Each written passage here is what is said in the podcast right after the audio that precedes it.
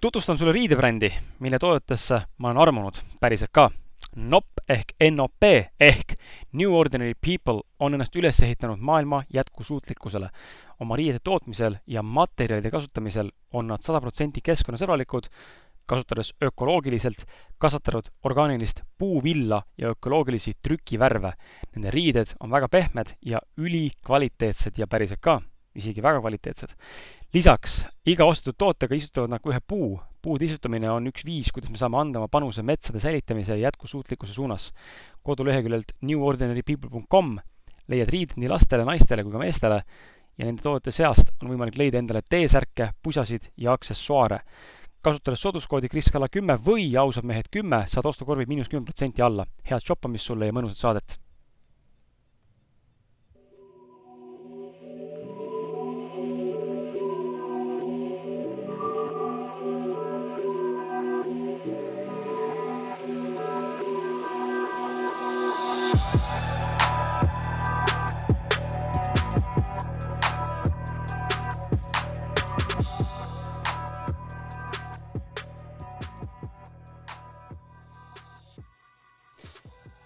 Ahhoi, tšau, tšau, tšau, tšau, tere tulemast kuulama podcast'i Ausad mehed, mina olen Kris ja ma tervitan sind järgmises episoodi. käes on mõnus, ilus, soe Eesti suvi, täna on küll veidi leebem silm siin Tartus meiega kui eelnevad nädalad, kus on olnud Eesti-Austraalia eh, kus reaalselt on olnud tunne, et eh, mõni, nii mõnigi nõrgema tervisega võib saada südari. ja mul tuleb nostalgia meelde Austraaliaga kus siis sai reaalselt kolmkümmend pluss kraadi käes küpseda ja, ja farmitööd teha, äh, nii et äh, higimull oli mitte ainult otsa ees, vaid ka mujal. aga äh, täna on äh, äge saade tulemas, põnev külaline, põnevad vestlused, huvitavad küsimused ja kindlasti veel huvitavad vastused. enne kui sissejuhatuse juurde lähme, siis tuletan sulle meelde, et tänane saade on selles mõttes eriline, et meie külaline on piisavalt äh, armas ja meeldiv, et ta on välja pannud ühe enda tuttuue, just nimelt, tuttuue, vaadake ilus sõna, tuttuue raamatu, äh, mille nimeks on siis Hull otse ja ausalt. Ja nii, et kui sa soovid seda raamatut endale, endale saada ja tänane saade sind kõnetab ja tunned, et see raamat võiks sind ka kõnetada tänase saate jooksul või siit äh, nii-öelda teemadest üles tekkinud aruteludest, siis ole ja mine ausalt mehe Facebooki leheküljele, otsi üles pilt, kus äh, suure tõenäosusega äh, olen mina, on tänane külaline ja on veel üks meesterahvas. ja võimalik, et ka raamat on kuskil e-, kaanefotona välja toodud eraldi pildina ja mine osale loosimises. et siis äh, üks õnnelik võitja saab endale sellise mõnusa, äh, lihtsasti loetava, huvitava ja, ja hariva ja, ja maailma ja silmaringi avardava raamatu. nii et see on sinu töö ja sinu panus sellesse saatesse, aita seda levitada ja täna on mul ka kaassaatejuht kas see on äh, esimene kord või? teine juba? esimene? esimene. esimene. ausad mehed podcast'is esimene. jaa, nii et äh, tere, Maarjus äh, Vahter. tere, tere. Maarjus on meil äh,, lükka seda mikrit endale suts ülespoole mm. -hmm. sa võid isegi statiivi kerida ülespoole, kui mugavam on, vaata keerad siit lahti mm. -hmm jep, niimoodi, siis tõstad ülespoole ja siis fikseerid sina, Karmen, saad ka siis fikseerida, kui sa parasjagu soovid, aga sinuga kohe kontrollime, kuidas sina räägid siin. et äh, jaa, Maarjuse saade tegelikult on äh, ka meil ju ilmunud ja kui ma nüüd õigesti mäletan, äh, Maarjuse saade oli viimane saade, mis meil tegelikult ilmus podcast'i Ausad mehed alt. nüüd juba tükk aega tagasi, sest et sina kuuled seda saadet septembri alguses, aga me tegelikult salvestame täna ju juuli lõpus nii et ähm, selles mõttes äh, hüppa aga tagasi SoundCloudi või endale meelepärasesse platvormi, kus sa podcast'e kuulad äh, ja mine kuula ära Maarjus Vahtri saade ka, hashtag pealkirjaga või numbriga kaks, kaks, kolm saade vist, kui ma eksin või õigesti mäletan. ja, ja siis mine kuula ära, et äh, miks Maarjus täna siin on. kuna me koos ajame siin asju, siis lihtsalt tekkis tunne, et äh, meie vibe ja klapp on nii hea, et äh, peaaegu, et elame koos juba. siis miks mitte ta tuua vahepeal ka saatesse, sest et ta on inimene, kes oskab kaasa rääkida sellistel psühholoogilistel ja äh, ütleme, sisekaemuslikel ja, ja enesearengulistel teemadel, nii et ma ei tea, Maarjus, mis tunne on olla ausalt mehe podcast'i kaassaatejuht täna, olles eelnevalt olnud kuulaja ja ka saatekülaline no vot, täitsa uus, äh, täitsa uus kogemus jah, aitäh, Kris, selle võimaluse eest. Äh, ähm, põnev on, põnev on ja saatekülaline meil väga põnev ja, ja tema raamatut äh, lugedes avastasin, et ma ei saa seda oma käest ära panna, et ma jäin küll korraks magama ja hommikul ärgates ma siis lugesin selle kiirelt lõpuni. ja psühholoogia ja, ja alateadvus ja kõik see on tõesti minu suur kirg, alates sellest, kui ma, kui ma neli aastat tagasi siis umbes sellele teele ise sattusin ja avastasin, et mind juhib alateadvus ja see, mida ma siin peas otsustan, on lihtsalt niisugune tühi jutt, nagu eesti keel põhimõtteliselt hiinlasele või, või mhm. vastupidi siis, eks. ühest sisse, teisest välja. noh. midagi aru ei saa. et sa saad aru, et midagi nagu toimub, aga noh, tegelikult nagu midagi. ja kui ma ei eksi, ma võin praegu eksida, mul natuke on tunne, et ma eksin, aga ma ütlen selle välja, sest ma ei suuda praegu äh, fakte peas kontrollida, aga minu meelest sa oled esimene inimene, Maarjus, kes on olnud nii kuulaja, saatekülaline kui ka kaassaatejuht. Podcast'is ausad mehed, vähemalt. Äh, nii et äh, hea kuulaja, äh, paneme Maarjusele selle pinge peale et ikka higistama ja, ja siin äh, värisema hakkaks, et äh, kui sulle meeldis, et Maarjus siin saates täna oli ja kaasa mõtles, siis ole hea, anna mulle teada, kas ta võiks siin veel olla, sest ma tegelikult olen igatsenud äh, enda kõrvale meesterahvast. vahepeal on tore arutleda ja teinekord on tore teha ka mingeid duosaateid, nagu me kunagi tegime, neid ei ole ammu olnud. et üksinda lõpmatuseni ei räägi. siis võib-olla ma, Maarjus on veel tulemas siia saatesse, et ma tean ette öelda sulle, et on üks saade veel tulemas hüpnoterapeut Ants Rootslasega, kus on Maarjus ka eh, kaassaatejuhiks võetud. Antsuga on see podcast'i ausad mehed raames tulemas neljas eh, salvestus, kui ma ei eksi. nii et mine kuula kõik eelnevad ära ja siis juba saame sellesse süveneda ka, aga see tuleb äh, siis, kui tuleb, ma ei oska sulle öelda, millal. võib-olla see on juba ilmunud, mine tea, mine piru. aga lähme saate sissejuhatuse juurde, ma loen siis äh, sulle tutvustuseks ette, kes on tänane saatekülaline ja siis juba äh, sisuliselt on järgmised kaks tundi mõnus monoloog Karmeni poolt. nali, muidugi me diskuteerime, räägime, ei pane tanki sind. aga tänane saatekülaline siis Karmen Kosma, Kosma, kuidas õigesti hääldatakse Kos-, Kosma. Kosma. Kosma venelannadel on see, see lõpp on see, venib A-täht, on ju? see on tegelikult üldse Ungari päritoluga okay. perekonnanimi ja ma ise olen Gruusia rahvusest. okei okay,, ei olegi venelanna, okei okay,, no ta ikka. aga no, venelanna olen ja, ka, mul okay. on ka vene verd, jah. okei okay.. Carmen Kosma mm -hmm.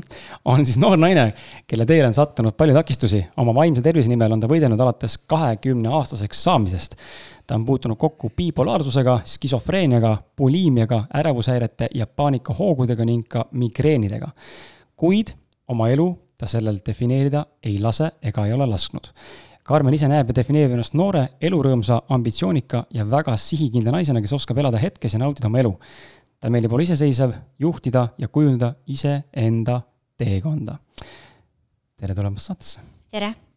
olen väga tänulik, et sa meid siin vastu võtsid oma ilusas mõnusas kodus Tartus, meil on vähemalt pesa, kus nüüd salvestada.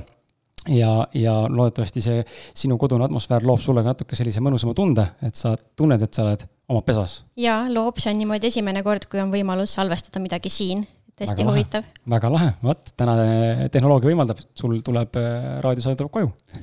vaata, kui palju esimesi võimalusi seal on täna. just, on ju, just, on ju. ühtlasi on su esimene podcast, on ju? esimene. väga lahe väga lahe. Marius, äh, mulle tundub, et äh, kui ma vaatan seda küsimustikku siit, ähm, siis sinu küsimus on siin esimeseks pandud. enne kui sa võib-olla sellele lasen sul küsida, ma tegelikult tahaks ähm, küsida, Karmen, sinult, et kust üldse sündis idee kirjutada raamat? Ma olin psühhiaatriakliinikus, kui ma olin kahekümne aastane esmakordselt, kui mul toimus esmakordne haigestumine. ja siis see hetk kuidagi oli nii selline kole ja õudne ja ma kujutasin ette, et ka teised inimesed on ilmselt sarnases hetkes tulevikus ja minul on selline nagu ressurss ja võimalus midagi omalt poolt anda, et nende see teekond ja see hetk ei oleks nii õudne kui minu oma. ja siis sealt tekkiski mul see idee, et ma tahaksin raamatu kirjutada. ehk siis tegelikult sa tundsid ja tajusid ära, et sul oli intuitiivselt tunne, et sa teed midagi justkui olevikuna tuleviku formaati eesolevatele inimestele, kes yeah. võivad jõuda samasse yeah. hetke, kus sina täna oli, sel hetkel olid, millest võib olla kasu, kui sa selle teekonna paned kirja. just. väga äge, see on väga äge, sest et tavaliselt inimesed kirjutavad äh, aga noh, ka ei saa kirjutada, ma, mina enda esimese raamatu just kirjutasin ka enda siis mineviku pealt, on ju, mhm. mingis, mingis, aga sa, aga, aga ma ei mõelnud kordagi selle peale, et ma nüüd kellelegi kirjutan sellepärast, et sellest võiks kunagi kasu olla. teise raamatuga ma küll tegin seda, jah, seal tekkis ka mingi tunne, et seal võiks kasu olla sellest, aga see on väga äge, et sa sellise, sellise tunnetuse pealt tegid seda ja kas sul oli ka mingi hetk nagu kahtlus, et kas, et nagu sul tekib idee, oletame, on ju, et noh hmm,, et esmamõte on see, et nüüd võiks tulla raamatu hetk, kirjutada kirjutusraamatu. Kas tekkis ka see nagu vastuse rääkimine, et oot-oot-oot, kes sa umbes oled või mis raamat ma ei oska ja kuidas see käib ja mm., või sul ei olnud seda? minu poolt mitte okay.. pigem oli see, et ma rääkisin seda ideed oma lähedastele ja siis nemad mõtlesid, et huvitav, kas Karmenil on jälle nagu haigus kallal, et ta mõtleb nii suurelt ja siis ma nagu otsustasin, et okei okay,, ma lihtsalt teen ära ja siis nagu räägin. või kuidagi nagu, aga nüüd on see muutunud, nüüd usutakse juba rohkem mu ideid, sest et ma viin need järjest nagu ellu. kui suurelt mõtlemine oleks haigus, siis me ilmselt tahaksime seda kõike endale saada sest et suurelt ei mõtle, ei mõtle väga paljud inimesed, pigem on see, et meid surutakse ühiskondlikult alla, ise, ise surume ennast alla, on ju, pigem ja. on see mentaliteet, et noh, vaata, et äh, mõtle ikka viiest eurost, mitte kümnest, vaata, kui saad viis, siis on hästi, kui saad kümpa, siis noh, seda ei saa, siis on pettumus, on ju, et inimesed ei julge nagu push ida seda piire nii-öelda, noh, ultimaatumitesse või nagu võimatutesse justkui. Marius. jah. kas sa tahad küsida enda küsimuse? Või sa tahad küsida midagi muud? ja ei, ma, ma tegelikult võiks hakata küsima küll, jah. tulistame. ja, ja, ja, ja just selle, nagu ma ütlesingi, et ma selle raamatut lugesin väga suure kirega ja põnevusega, kahjuks oli nii lühike. et sai kähku läbi. ja esimene asi, mis mul kohe silma või kõrva või mida, mis mind puudutas, on äh, enesedistsipliin. sest minul on see kohati ikka väga nõrk. ma leian, et minul see enesedistsipliin on just tugev siis, kui ma olen tõesti väga motiveeritud midagi tegema, aga see tuleb ikkagi raskelt mul. ja, ja sa oma raamatus kirjutadki seda, et sul juba lapsepõlves oli see distsipliini harjutamine ja lasteaias sa käisid pingsi mängimas, kui teised mäng- äh,, magasid ja ja sa said karistada, kui äh,, kui pall mängus ei püsinud, sa pidid seal kükke tegema.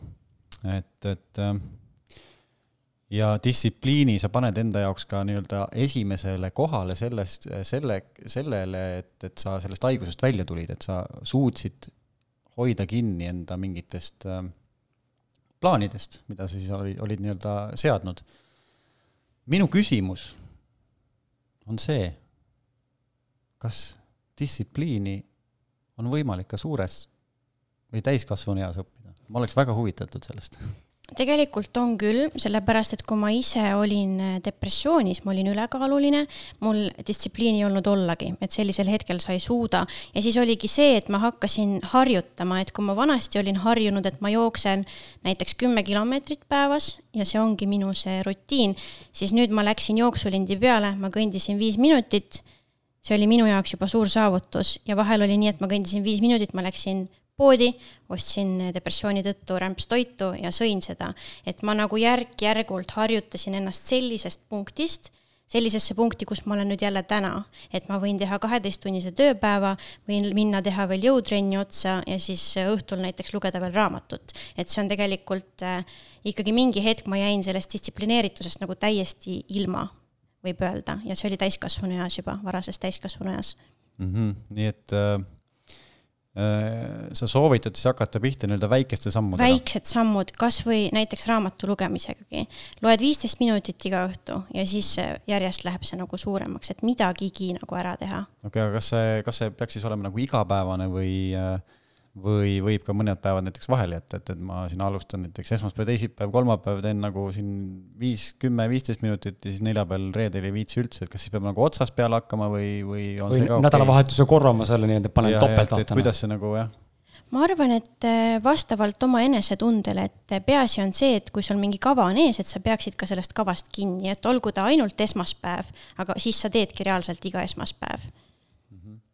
Um, nagu ma ütlesin ka oma küsimuses, et, et ma, ma saan hakkama enesedistsipliiniga, kui mul on motivatsioon mm -hmm. kuhugi jõuda, et, et kas see on ka tähtis või, või ma võin tegelikult äh, saavutada sellise distsipliini ähm, rutiiniga ükskõik mida, et, et noh, väga ei motiveerigi, aga ma näiteks tahan siin mingit võõrkeelt õppida, noh, tore oleks näiteks osata mingit hispaania keelt, aga noh, väga nagu ei taha, aga kui ma siin hakkan iga päev õppima, et kas ma siis saavutan selle või tegelikult peaks olema ikka seal see koht ka, et, et ma ikkagi tegelikult väga tahan seda saada ja siis ma olen võimeline selleks tege-, seda nii-öelda saavutama.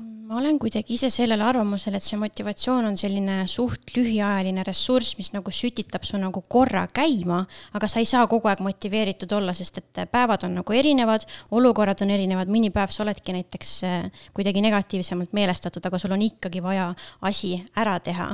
et siis aitab ikkagi see distsiplineeritus, aga ma arvan ka seda, et see distsiplineeritus ei saa olla ilma eesmärgita, et sul justkui peab olema nagu mingi eesmärk, miks sa tahad distsiplineeritud olla või mi miks sa nagu, kuhu suunas sa liigud.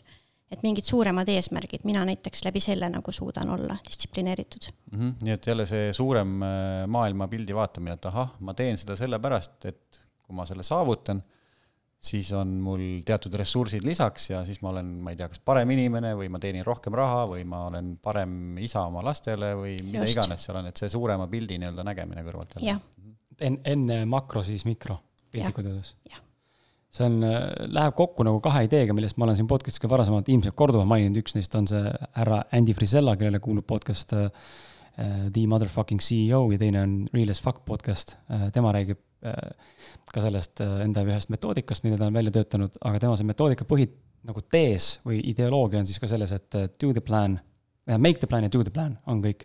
sul on mingi paar asja ja sa ei lähe enne freaking magama, kui sa selle listi saad tehtud, on ju, ja sul on muidugi, loomulikult nad on seotud ka eesmärkidega tema enda elus, on ju, erinevatest valdkondadest ja see raamat, äh, üks niisugune raamat on ka Jeff Olsoni poolt kirjutatud Äh, on inglise keeles, eesti keeles ma ei tea, mis ta on, äh, isegi ei ole tõlgitud, on The Slight Edge, mis räägib siis sisuliselt ka sellest, kuidas compound ehk siis nii-öelda liitintressi efekt tekib ka tegutsemisel, mitte ainult rahamaailmas, vaid üldse, kui sa igapäevaselt teed nii-öelda nagu näiliselt olematus suuruses pisikesi samme mingi asja suunas, nagu sa ütlesid, näiteks raamatu lugemine on esmaspäevast reedeni loen viis minti iga päev, nui neljaks lihtsalt loen siis varem või hiljem saab see raamat ka loetud, sellisel viisiline. kas sa tahad või mitte, ta saab loetud. noh, et puht füüsikaliselt ei ole võimalik, et ma loen iga päev ja see raamat ei saa otsa.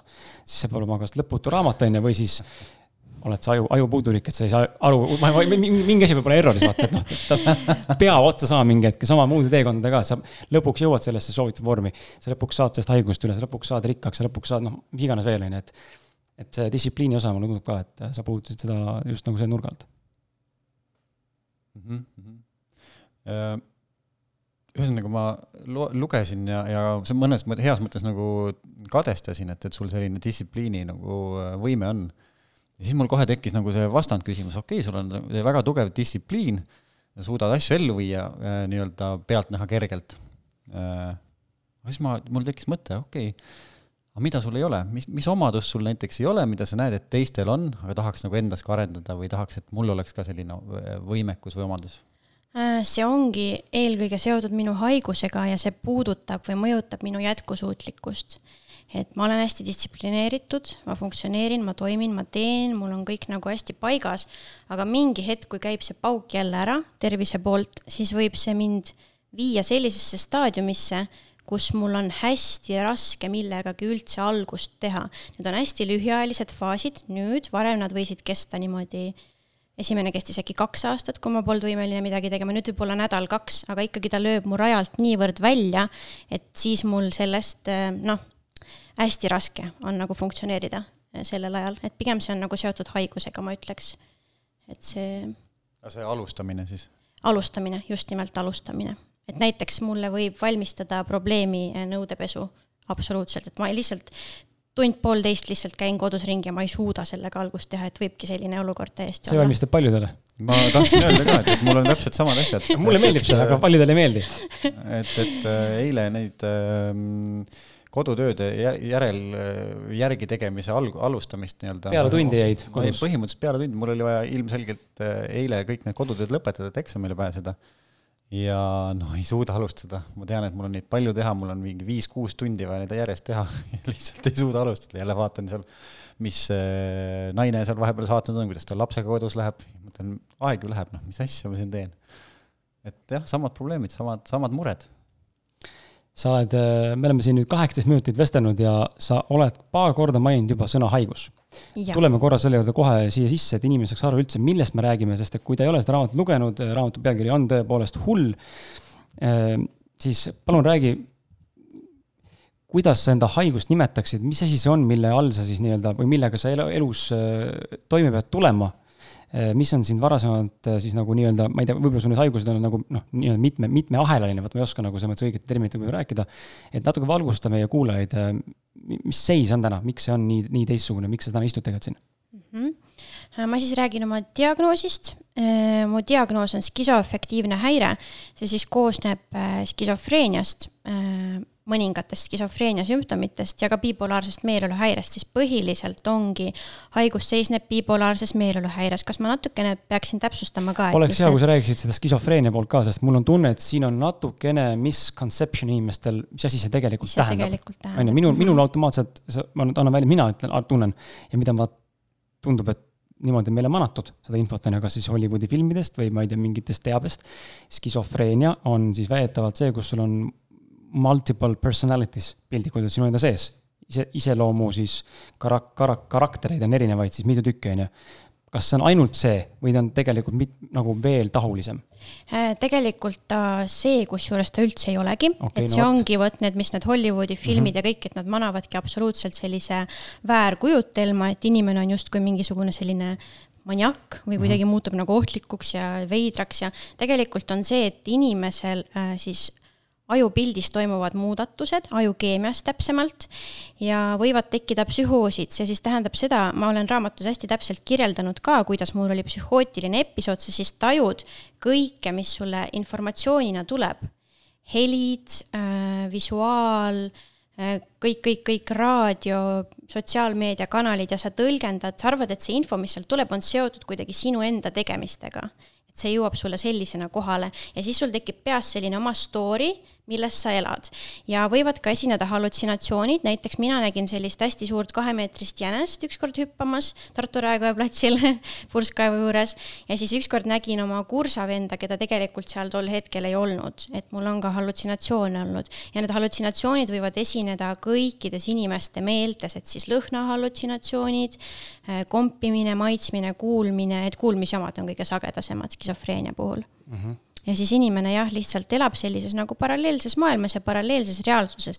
ja tegelikult see, et arvatakse, et justkui inimene on ohtlik, et ta on ohtlik seetõttu, et ta arvab, et temale on mingi oht mm. -hmm. sest et ta tajub nagu maailma teistmoodi, et sellepärast tulebki need seisundid võimalikult kiiresti nagu kontrolli alla saada tahaks veel natuke sellest kuulda, see on nagu selles mõttes huvitav, see on minu arust nagu nii põnev.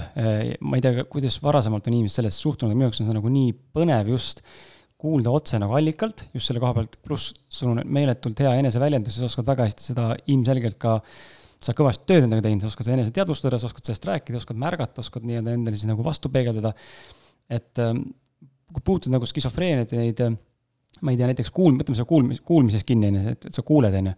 et kas sa kuuled neid hääli, ähm, võib-olla see on loll küsimus, on ju, aga kas sa kuuled neid hääli nagu enda häälega või sa, või sa, või sa lihtsalt kuuled justkui võid kuulda teinekord ka nagu mitte, noh, mitte ainult siis nagu verbaalset sõnu enda peas, enda või teise, kellegi teise häälega või sa, või sa kuuled ka mingeid helisid a la autosignaal või mingisugused matsud või no mis iganes muud helid, eks ole, on ju. Äh, need hääled, ma ise hääli kuulnud ei ole, ma olen ainult näinud nagu objekte mm, -hmm. aga need hääled peaksid olema võõra häälega okay.. näiteks ma toon näite, et kui sa oled äh, sul on olnud puudu armastusest, siis sa nende haigushoo ajal võidki kuulda, kuidas keegi ütleb sulle, et ta armastab mm -hmm. sind, näiteks. kui on paranoiline skisofreenia, siis sa kuuled näiteks, et keegi ütleb, noh, keegi nagu osutab ohtu sulle mm. -hmm. et need on nagu erinevad, et need võivad olla sellised positiivsed hääled, võivad olla negatiivsed hääled, aga keegi nagu ütleb midagi. aga kus need tekivad? selles mõttes ma saan aru, et tegemist ajukeemiaga, aju meil manab selle ette, aga, aga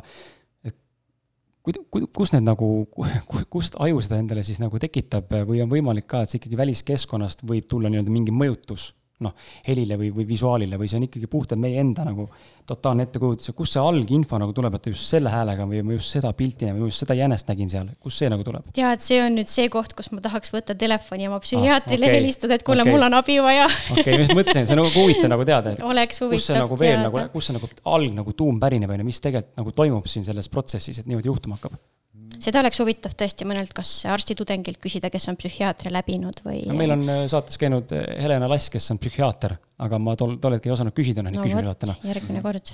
järgmine kord tuleb kaasa. saatesse. mul on äh, küsimus just sellest, et kas see nagu, seda raamatut lugedes ma ei saanudki aru, et kas sa nüüd oled selles psühhoosis või selles maanias ja kas see tuleb nagu niimoodi äkki et sa mõtledki, et see kõik ongi reaalsus, et sa ei saagi nagu, nagu aru, et, et see tegelikult ei ole või kas sa ei hakka nagu niimoodi kuidagi step by step peale, et, et, et nüüd ahah, oota, mis, mis värk oli, siis tuled korraks nagu tagasi selle nii-öelda äh, tavalise maailma tunnetuse peale ja siis tuleb jälle see nii-öelda psühhoos või, või need mingisugused äh, hallutsinatsioonid, et et see tuleb peale ja, ja ei saagi aru, et see tegelikult ei ole päris? Äh, see on nüüd niimoodi, et minu diagnoos on natukene nagu nii-öelda eriline, kui nii võib öelda, et mul esineb maania ja siis hallutsinatsioonid ja luulud esinevad nagu koos, et mul ongi bipolaarsus pluss skisofreenia. et maniakaalpsühhoosiks nimetatakse. ja nüüd, kui mul see esimest korda oli, äh, siis mul puudus info selliste haiguste kohta ja ma ei osanud endale seda teadvustada. nüüd mul enam nii hulle haigusepisoode ei teki, sellepärast et mul on see info nagu, need mm -hmm. faktiteadmised on olemas ja nii kui mul see hakkab, need faktiteadmised seostuvad nagu selle olukorraga mm -hmm. ja siis ma saan aru, et ahah, mul on see, peab arstile ruttu helistama mm -hmm. okay. ja ta ei jõua enam nii kaugele okay,. See... sellepärast ongi oluline nendel teemadel rääkida, et osataks nagu ära tunda mm. -hmm. see on tegelikult äh, päris võimas, et sest et äh, me ei räägi ainult siin psühhoosist ega muudest vaimsest haigustest. me, me iga, igapäevaelus ka me teinekord oleme, ma ei tea, äh, söögisõltuvused näiteks, on ju, või ma ei tea, seksisõltuvused või mingi, mis iganes sõltuvus või mingi muu asi, me harjumusohvrid, on ju. et me, me alateadlikult automa-, automatismi pealt teeme seda, ilma et me tegelikult teadvustaks või märkaks, suudaks ennast nagu peatada, stopp sa oled nagu ära õppinud selle stopp-koha tänu sellele, et informatsioon on olnud kättesaadav, on ju, ja nüüd sa oled seda integreerinud. et selles mõttes on äh, väga hea kuulda, et see, et kas sellist asja on võimalik tegelikult ise peatada mm, -hmm. mis mhm. tähendab seda, mis tähendab, võib-olla ma eksin praegu, aga mulle tundub, et üldse mitte halvaga, et ei saa, ei ole olemas võib-olla hullemat asja kui see, mis sina nii-öelda koged, kus ennast nagu sellises nii-öelda nagu pe, mitte peata ja mitte peata stsenaariumis nagu kogeda selles mõttes elus. et see tundub olevat selline nagu üsnagi äärmuslik ja raskesti nagu võib-olla toime tulev situatsioon, et kui seal suudad ennast peatada, noh, siis sa oled põhimõtteliselt võitmatu. ma ei tea, niisugune tunne on nagu, et noh, ma ei tea, vaata täna on ju, me, me, me, me iga päev tegeleme mingite täiesti pseudoasjadega tegelikult on ju.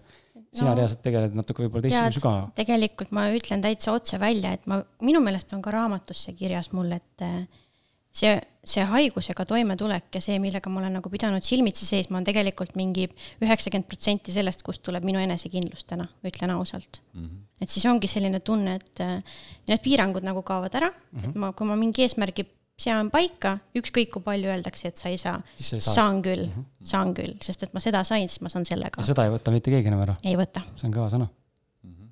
väga tubli. väga lahe. kui Mount Everesti tippu olen roninud, siis kõik teised mäed on nii-öelda köki-möki, köki-möki, tšepuha väga lahe uh,. okei okay. mm.. kas, kas see sissejuhatus sai nagu öeldud seda, et korra keerin tagasi, et sa oled alates kahekümne aastaseks saamisest sellega piltlikult öeldes võidelnud või pidanud toime tulema, kas siis esimesed sellised äh, märkamised, teadvustamised, et midagi on justkui äh, noh, jutumärkides valesti olidki kahekümneaastaselt või need olid juba natukene varasemas eas, kus hakkas see nagu noh, natuke väike sihuke nagu torkimine hakkas pihta? tegelikult need olid varasemas eas, et nüüd, kui mul jällegi see info nagu oli peas olemas, ma sain aru, et kuskil seal äh, gümnaasiumi esimestes klassides mul võis olla depressiooni natuke ja võis ka olla maaniat, sest et üks hetk ma olin nagu, mäletan, et ma kukkusin üheteistkümnenda klassi lõpus, ma sain matemaatika üleminekueksami ühe ja siis kaheteistkümnenda lõpus ma tegin matemaatika riigieksami üheksakümne ühe punktile. mis on aastaga peaaegu võimatu transition. nagu väga huvitav jah, et kuidas nagu niimoodi, et olid sellised juba sellised ja. huvitavad perioodid. kõik kõikumised. kõikumised nendest kõikumistest, kõikumistest rääkida, siis jälle ma raamatut lugesin, märkasin, lugedes märkasin, et mul on täpselt samamoodi sellised kõikumised, aga siis ma mõtlesin, et noh, ilmselt ei ole mul nagu nii ekstreemi mm. -hmm, just, et inimestel kõigil on, aga vot selle bipolaarsusega ongi see, et nad on nagu haiglaslikud, et nad juba häirivad inimese seda elutegevust ja. nii see eufooriline pool kui siis ka pärast see mm. nii-öelda depressiivne just, pool, eks, et on hästi-hästi tugevalt. jah, jah see on üldse elus, ma mõtlen praegu tuli, millegipärast tuli spordinäide, et noh, siin võib muidugi keegi sportlane hakata vahele seletama ja võib-olla siin on ka seotud kuidagi selle biohäkkimise teemadega, meie enda biokeemiaga, aga just see ka, et spordisooritused ei ole sul ka ju, või üldse eluvaldkonna sooritused ei ole sul nagu iga päev ühesugused aastast aastasse, aastakümneid järjest, ikkagi on vahepeal, tuleb paremini välja, teinekord on seesama harjutus on väga raske, teinekord on see sihuke, et kuule, pange raskust juurde vaata või noh, teeme midagi veel raskemat, et nii lihtne on. et see on ka nii nagu noh, niisugune kõikuv on ju, et ühte sellist noh, et ühte nagu neutraalsust saavutada tundub olevat nagu, et pea et nagu võimatu, on ju, ja, ja ma olen nagu märganud ka, et just nagu see vene kirjanik Vadim Seeland, transurfingu autor on hästi kirjeldanud, kirjeldanud seda, mis mulle nagu meeldib ka, et et kui nüüd ongi need need ampluaad või need kõrgused, ütleme miinimum, maksimum amplituudid nii-öelda on ju, kui need nagu, mida rohkem sa nagu lähed kõrgustesse, seda tõenäosam on see, kas see kukkumine sama suur teisele poole alla, on ju, et noh, või vähemalt kindlasti sügavamale, kui lihtsalt nagu neutraalseks jääda. et ma ei tea, mis, mis te ise nagu sellest arvate, kas see neutraalsus on saavutatav päriselt? igas elusituatsioonis? no kui mina oskan rääkida selle bipolaarsuse mm -hmm. võtmes, et äh, tegelikult neutraalsus on saavutatav enam-vähem. nüüd mul oli just ka selline päris hull lend siin kevadel seoses suure koormusega ja me saime, liitiumitabletid on siis need, mida võtad, võetakse bipolaarsusega, me saimegi kontrolli alla tänu sellele, et ma võtsin liitiumi, et mul ei tekkinud esimest korda peale maaniat nii suurt tagasilangust. mis see liitium teeb kehaga üldse? Äh, liitium, ta stabiliseerib mingisuguseid hormoone okay., et ta oleks nagu joonel, et mm -hmm. ennetab jah, seda tagasilangust, et seda noh, serotoniin, dopamiin, et kõige sellega on seotud see mhm. depressioon mm -hmm. ja siis see maania ka, et äh, neid hormoone siis mõjutab mm. -hmm. no neutraalsus on äh, ma ei tea, inimese kehas päris igav asi, ma arvan. sa oled lihtsalt siin maailmas, et kõik on neutraalne. noh, ma ei tea tahaks ikka ju saab... emotsioone nii-öelda positiivseid mm -hmm. ja, ja, ja siis muidugi paratamatult tuleb nii-öelda see negatiivne emotsioon. me tahame ju tunda, kõik on neutraalne um,. siis me ei teeks seda saadet siin mm. -hmm. aga neutraalselt saab asju ju vaadata. absoluutselt noh, mõtled positiivset ja positiivset, negatiivset ei pea eufooriliselt vaid saab vaadata nagu neutraalselt, et see on positiivne. aga ja, ma, mul ei teki eufooriat. ja loomulikult, jah. või ei teki nagu depressiooni või masendust, on ju, vaid neutraalsuselt, noh, sa va-, vaatled seda asja siis jaa, aga ma arvan, et ikkagi kõik ei saagi, see ongi see koht, kus alateadus teinekord võtab üle ja mm, -hmm. ja, ja mitte teinekord, noh, tihtipeale meil ongi nagu, kas on positiivne emotsioon või negatiivne emotsioon, näiteks me, mingi näide, oled sõbraga kuskil äh, äh, rannas, vaatad, kena naisterahvas, vaatad, oo, kõik on jube super ilus, eks ju, ja siis ütled sõbrale, vaata, vaata, hästi kena naisterahvas, teine, või sõber vaatab, kehitab õlgu, noh, tema jaoks on see neutraalne, aga sinul on mingid mälestused, mingisugused kehajooned, näojooned assotsieeruvad, sinu jaoks on ta kena, tema jaoks on neutraalne, eks see maailm nagu ongi, igalühel on oma nii-öelda kaart või, või maailm, milles ta elab. lihtsalt see keskkond on meil ju sama, aga me interpreteerime seda maailma kõik erinevalt mm. -hmm. raamatus tuleb äh, hästi välja ja nagu ühe, ühe nagu selline, mulle tundus vähemalt suurema, suuremana teemana just nimelt see madala enesehinnangu ja sotsiaalse ärevusega toimetulemine, et ähm, räägi, kuidas sina sellega toime tulid ja mida oskad äh, soovitada meie kuulajatele? Kusjuures üldse niisugune sotsiaalne ärevus ja üldse ärevus, ma lisaksin siia veel ka esinemisärevuse, mis mul hästi tugevalt oli. mul endal läks see üle niimoodi ka step by step nagu endale väikeste eesmärkide seadmisega, näiteks kui ma psühhiaatriakliinikust välja sain, siis ma mäletan, et ma läksin poodi midagi ostma ja mul, andsin kassapidajale raha, mul käed värisesid, et see oli minu jaoks midagi nii katastroofilist peale nagu sellist kinnist keskkonda. Ja siis ma põgenesingi või noh, ei põgenenud, vaid läksin ema koju mitmeks kuuks ja ma ei tulnudki kodunt üldse välja ja nüüd tuli arstile minna. ja ma olin siis kakskümmend üks saanud ja ema pidi minuga kaasa tulema. ma ei suutnud sõita üksinda Tartusse, aga see ikkagi oli juba kodunt nagu välja tulemine et nagu juba väike sammuke. järgmine kord ma sain juba üksi käidud. siis ma juba hakkasin endale vaikselt Tartusse tööd uuesti otsima, siis ma hakkasin uuesti loengutes käima. iga kord värisesin ja oli selline hästi halb, aga ma kogu aeg nagu tegin midagi. ja see enesekindlus tuli läbi selle, et ma nagu saavutasin neid asju, ma ju sain kodunt välja mindud ja ma sain seal loengus käidud ja ma sain arstil käidud. et siis lõpuks nagu kadus see ärevus nagu ise ära. ehk siis me jõuame jälle ringiga tagasi selle saate alguses räägitud äh, poole peale, kus siis on see, et äh, make the plan ja do the plan, ehk siis kui sul on ikkagi mingi eesmärk, äh, a la praegu sa räägid siis sellest arstide minekust, ma ei tea, kuskile sinna koolitusele, eks ole, laengusse minekust. et kui sa reaalselt ennast nagu välja paned sellele maailmale, siis, siis suure tõenäosusega midagi halba nagu otseselt juhtuda ei saa, et pigem sa õpidki kohanema ja, ja tulema toime siis sellega aga ikkagi, et võib-olla siis minu olukord ei olnud ikkagi nii ekstreemne kui mm. mõnel inimesel, et ma soovitaksin loomulikult ka pöörduda kas psühhiaatri poole või psühholoogi poole, et kliinilised psühholoogid oskavad oma teraapiatega kindlasti aidata sellises olukorras. et vajadusel saab süüa antidepressante, et mis iganes, et aidatakse, et kindlasti pöörduda ähm,. mul on selline küsimus, et, et ähm mis sind ärritab elus, mis situatsioonid või isikuomadused või kui sa vaatad või, või kas sind üldse ärritab midagi, et, et kuidas Oi, sa selles, mis, mis need sellised äh, Teie kaks praegu siin. ei, teie olete väga toredad, mul on väga lõbus ja tore, aga mind ärritab arrogants, mind ärritab selline enda teistest inimestest kõrgemale seadmine, teistest ülesõitmine, selline ebaviisakus, nähvamine, et kui sul on halb tuju, sa elad ennast teiste peal välja, et ma töötan igapäevaselt, ma olen küll kaupluse juhataja, aga ma olen hästi palju kaupluses kohal ja teen aktiivset müügitööd klientidele. ja et klienditeeninduses sa ka nagu ikkagi kohtad aeg-ajalt selliseid inimesi, kes mm -hmm. ütlevad üsna niimoodi teravalt sulle, et see ei ole meeldiv ja ja see mind nagu ärritab selles elus kõige rohkem. Aga oskad sa arvata ka, miks see sind ärritab hmm.? ilmselt sellepärast, et see tekitab minus negatiivset emotsiooni, võib-olla ma peaksin hoopis sellest kuidagi üle olema. ei, sama arvan, et üle ei peaks olema. ei peaks üle olema. et miks see sind ärritab. see Kindlasti tekitab negatiivset emotsiooni. osadel inimene, see jällegi nagu äh, mingi näide siin see sai välja öeldud, aga võib-olla keegi teine on sul kõrval, ta ei saa üldse aru, et ta üle sõidab. ta mm -hmm. ei saa aru, neutraalne tema jaoks et mis Mulle..., mis see mälestus sul võib olla? Kas on näiteks isaga seotud mälestus äkki? meil on olnud kusjuures, ma ei tea, kas see on nüüd sellega seotud, see võib küll olla, meil on peres olnud hästi palju sellist füüsilist vägivalda nagu tohutult ja need ongi sellised äh, konfliktid, väljaelamised, halvasti ütlemised, et kõik see, et võib-olla me praegu leidsime mul siin mingi huvitava sellise jah, kui nii mõelda, siis tõesti jah. et, et lapsepõlves oli äh ema ja isa vahel füüsilist vägivalda, et seal võib-olla oligi see, kus isa tuli ainult, siis. et meil oli kohe selline muster perekonnas. jah.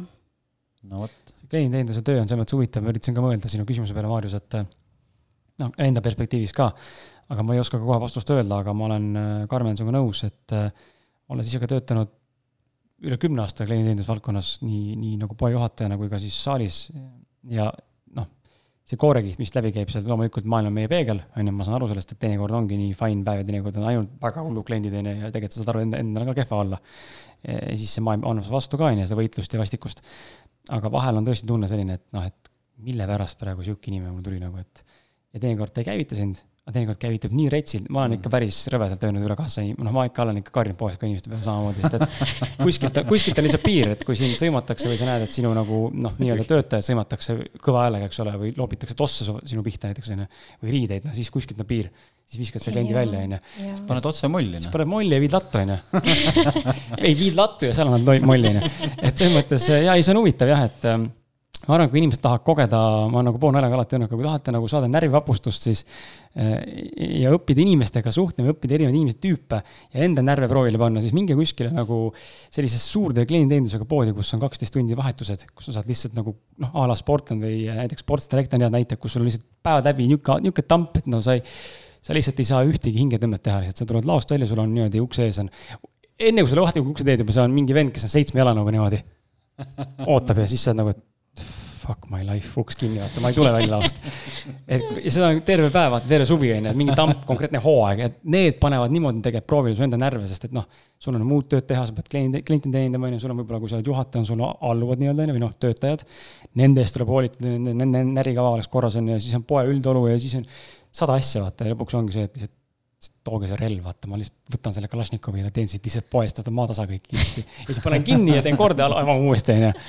et eh, minge klienditeenindajaks, see on eh, kõva kogemus, see on väga äge kogemus. just poodi, noh, restoran võib-olla samasugune võib-olla mingil määral aga seal on vähem tampi võib-olla, niimoodi. mul on väike mm, vihje Jesperile, et kui ta tahab kirjutada raamatut Hull kaks, siis äh, ta võib Krisiga ühendust võtta. aga siis see peaks, see peaks tiirlema siis äh, klienditeeninduse ümber äh, spordipoodides, on ju, et siis saab kirjutada väga väärikalt. jaa. see on, vaata, me tegelikult saateväliselt, sa ütlesid Hull kaks, saateväliselt tegelikult korra rääkisime ka, et ka mul on isiksushäire antud ja sa tegelikult ütlesid, et see on huvitav teema. Et ma ei hakka pikalt rääkima, sest ma olen siin sellest, sellest isiksushäirest, ma arvan, küll ja küll maininud oma podcast'is eri, erinevates episoodides.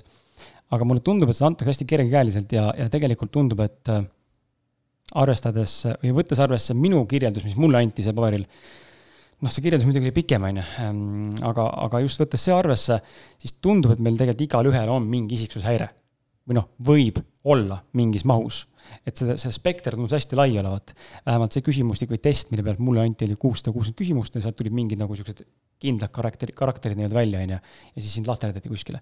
et äh, miks sa ütlesid seda, et see isiksushäire on huvitav teema ja mis sa nagu selle kohta oskad kaasa rääkida või et äh, isiksushäire oli sellepärast huvitav teema, et ma hetkel õpin kogemusnõustajaks ühes koolitusfirmas ja oligi see, et meile öeldi, et mõned isiksushäired jäävad nii-öelda meie pädevusest täiesti välja, kuna mm. nad vajavad nii head ja professionaalset spetsialisti, kes nagu seda häiret läbi ja lõhki tunneb ja nende inimestega suhtlemine võib olla kohati veidi teistmoodi mm et, et see on selline, ei saa öelda, et see on raske, aga just, et on hästi sellist korralikku nagu pädevust vaja, et kuidas temaga toime tulla.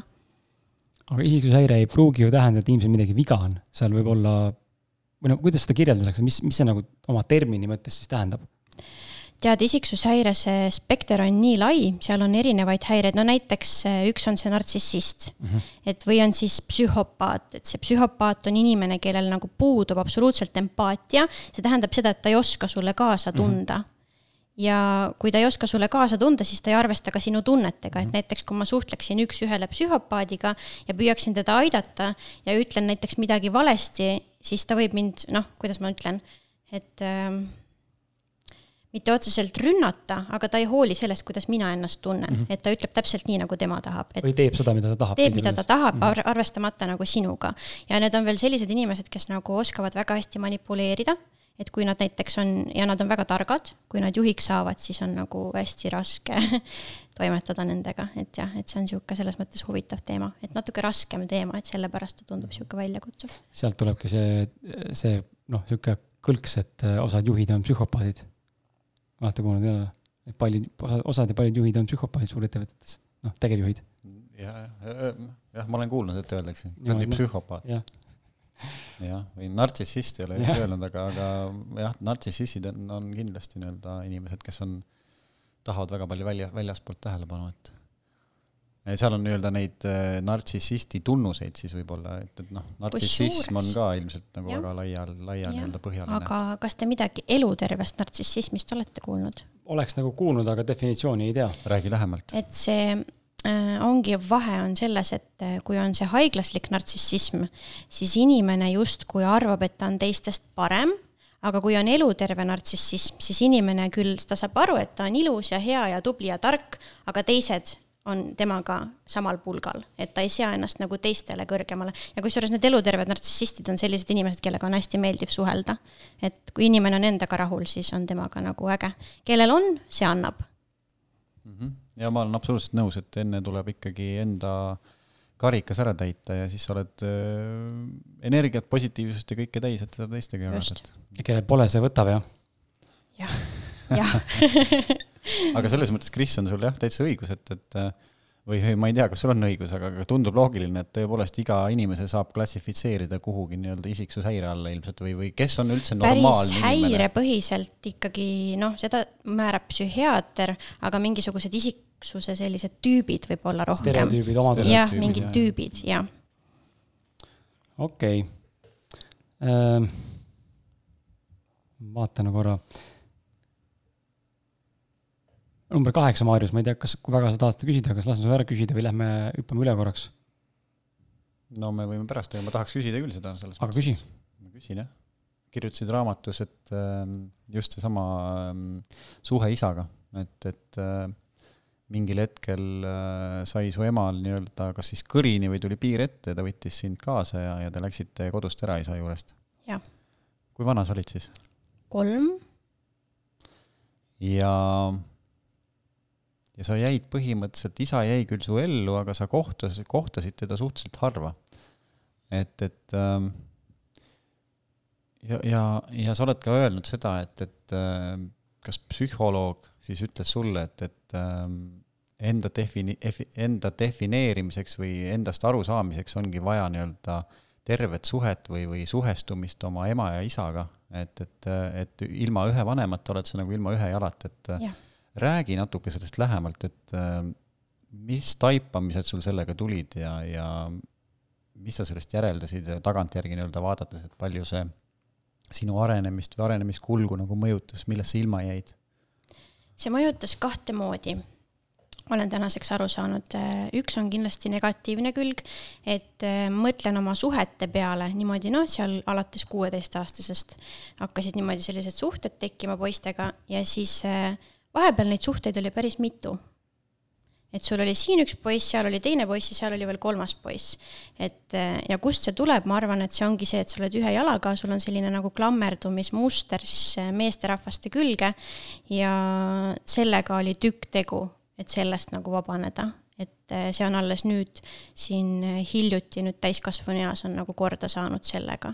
ja see tuli, korda sai see niimoodi, et sa kuidagi, kõigepealt see enesehinnang äh, läks korda, minapilt läks korda ja see iseseisvus ja turvatunne nagu on nüüd olemas, et ma suudan seda endale ise pakkuda.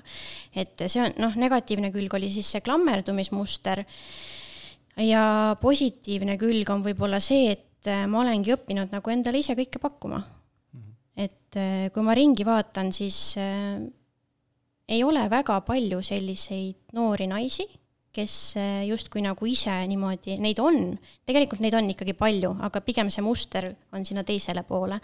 aga jah, et ma kuidagi tunnen, et ma olen selline hästi iseseisev ja mul on sellised suured eesmärgid et ei ole ainult see, et äh, tahaks väljas käia mehega või spaas käia mehega või midagi kogu aeg toredat teha, vaid kogu aeg on mingid eesmärgid ja ise ja iseseisev ja iseseisvus.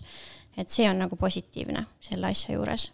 ehk siis siin võib kirjeldada selle sinu enda mõttejada äh, täienduseks siis sa, kas sa pead ennast ambitsioonikaks naiseks? väga, väga tõsiselt. kas sa oled, ma küsin sellepärast, et ma ise taipasin enda juures seda, ma pean ennast ka võrdlemisi ambitsioonikaks. aga mingi hetk taipasin enda puhul ja see ei pruugi sinu puhul kehtida, aga ma küsin, kas sa oled ka märganud seda. et ma taipasin, et selle ambitsioonikuse taga tegelikult on tihtipeale väga suur tõestamisvajadus äh, maailmale, iseendale, iseendale ei saa kunagi lõpuni tõestada, sest alati on not enough äh, mis on võib-olla ka mingi, mingi nagu tüüp ja võib-olla see on ka mingis osas okei okay,, aga sellega peaks võib-olla natuke nagu rahu tegema. või nagu noh, allapoole tõmbama, võib-olla see on ka kuidagi tähkujuga seotud, ma ei tea.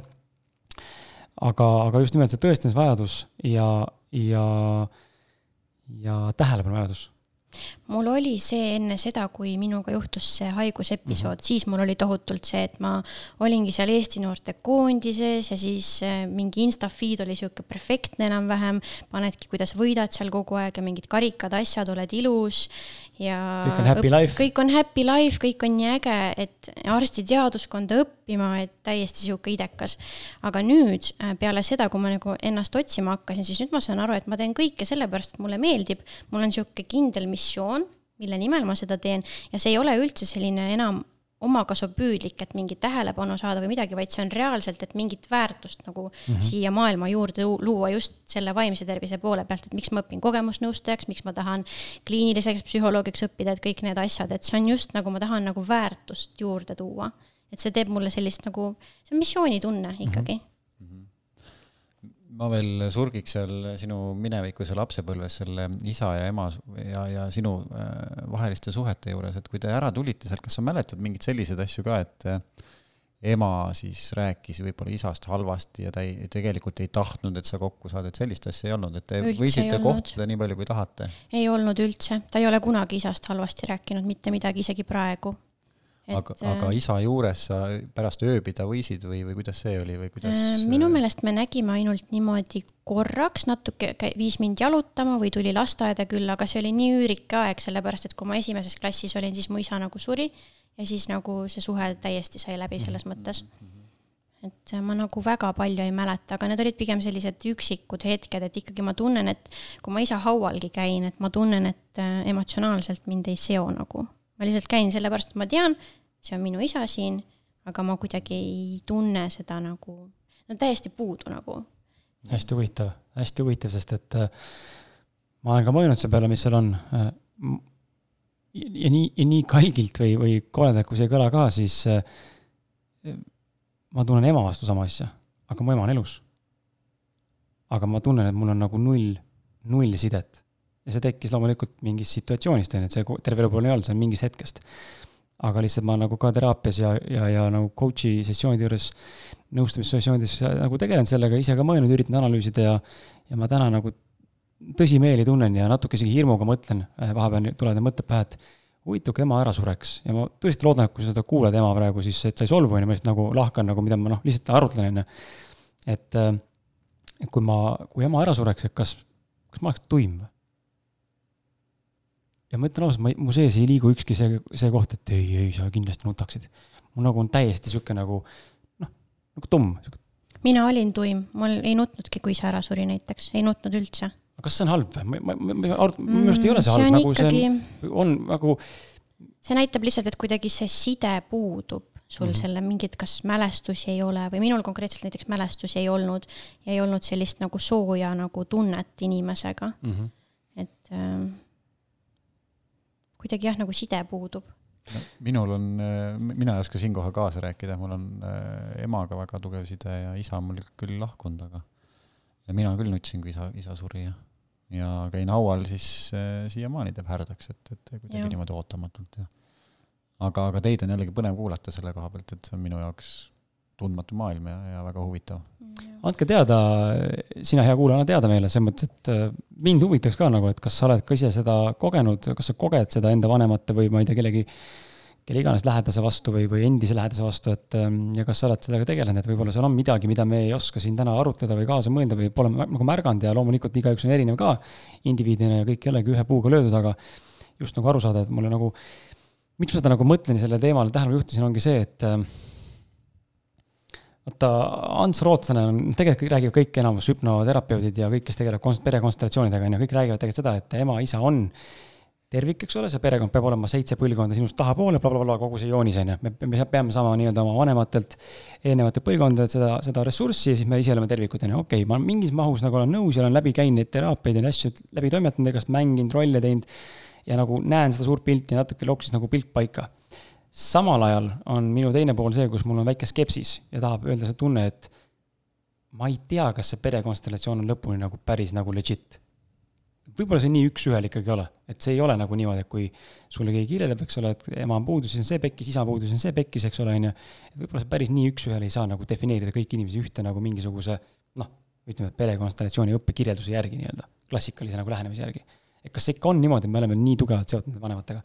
ma ise usun, me oleme äh, mina, minu, miks ma arvan, mul nagu natuke ka tunne enda vanematega ja ma lähen natuke ulmesse korraks, miks ma tunnen, ma olen enda vanematega null nagu noh, vähe-vähe kontakti. ma tajun reaalselt see tekkis võib-olla kuskil seitse-kaheksa aastat tagasi, tajusin tugevalt, et äh, nad olid lihtsalt äh, portaal ja ma saaksin siia kehastuda. ma ei usu, et ma olen inimene, ma usun, ma olen äh,, ma ei ütle ka jumal, aga ma usun, et mul on mingi teine olemus. nagu päris see essents on mingi teine, kas siis humanoid, mitte humanoid, energia, valgus, ma ei tea seda, on ju. aga ma tajun, et äh, nagu mul ei ole nendega sellist, sellist sidet, et nad ei ole mitte kuidagi rohkem seotud, kui ainult siin täna andsid mulle kehavõimaluse. kõik, mõlemaga. noh, psühholoogias ikkagi jah, nagu Ants Rootslane siis ja kõik teised ütlevad, et, et see ema ja isaga nagu terve suhe, äh, see terve suhe ei tähenda seda, et, et on sõbralik jutuajamine ja, ja ja käid kogu aeg pidevalt külas, aga, aga see teadmine, kust sa tuled, sa tunned ja aktsepteerid neid külgi, sest sa pärined oma emast ja isast, et sa ei saa, sa ei ole keegi teine kui nii-öelda fifty-fifty, eks ju, pool ema, pool isa ja, ja need omadused, nii halvad kui head, on sul nendest tulnud, sest sa oled lapsepõlves nendega kasvanud, kui sul ei ole algusest peale ühte neist vanematest olnud, eks ju, siis võibki olla, siis võibki olla just selline teadmatus, et kes ma nagu pooleli olen ja seal tekib ilmselt ka mingisugune vajadus siis võib-olla neid üles otsida kunagi täiskasvanu eas või ühte poolt või mm. -hmm. aga mina olen jah, ka sellel seisukohal ikkagi, et, et niisugune terve suhe, ma arvan, et annab äh, kuidagi rahulolu või, või kindlustunde siin maa peal olla. ei tea. ei tea. ei tea mm. -hmm raamatus kuskilt äh, jooksis läbi mul selline termin või nagu selline, ütleme, koht, kus sa rääkisid põhjas olemisest ja sealt välja tulemisest, et äh, küsiks sinu käest ka nagu selles mõttes just selle ülesehitusega, et kui me räägime nüüd üleüldiselt väga laia aspektiga, on ju, et kui me kukume elus põhja, olgu ta siis haiguse näol, ma ei tea, midagi muud, on ju, midagi sellist, mis on nii-öelda väga selles mõttes sööv, allatoov, allaviiv, kuidagi meid äh, mingil määral muserdav või kuidagi kokku suruv, et ähm, kuidas ennast taas jalule nagu saada, sest et eh, noh, sa oled välja tulnud tegelikult väga suuresti oma täna sellest seisust, on ju, loomulikult täna võib-olla sa teed, tuled sellega toime paremini ja võib-olla ei ole nagu terviklikult lahendanud selleni, ma loodan sa, saate lõpus jõuame ka, kuidas sa täna nagu sellega tegeled ja kuidas sa sellega täna toime tuled. mis on kindlasti erinev sellest dünaamikast, mis ta siis oli, on ju, võib-olla kümme, iganes aastat tagasi, on ju. aga just, et äh, kuidas nagu, kuidas, kuidas nagu vältida põhja kukkumist või, või langemist ja kuidas siis sealt välja tulla, kui sa oled juba kord tegelikult avastanud, et fuck, ma olen omadega täiesti kuskil, ma ei tea, kus no ütleme niimoodi, et põhja kukkumist vältida vist otseselt võimalik ei ole, sest et elu on selline no täiesti ootamatu.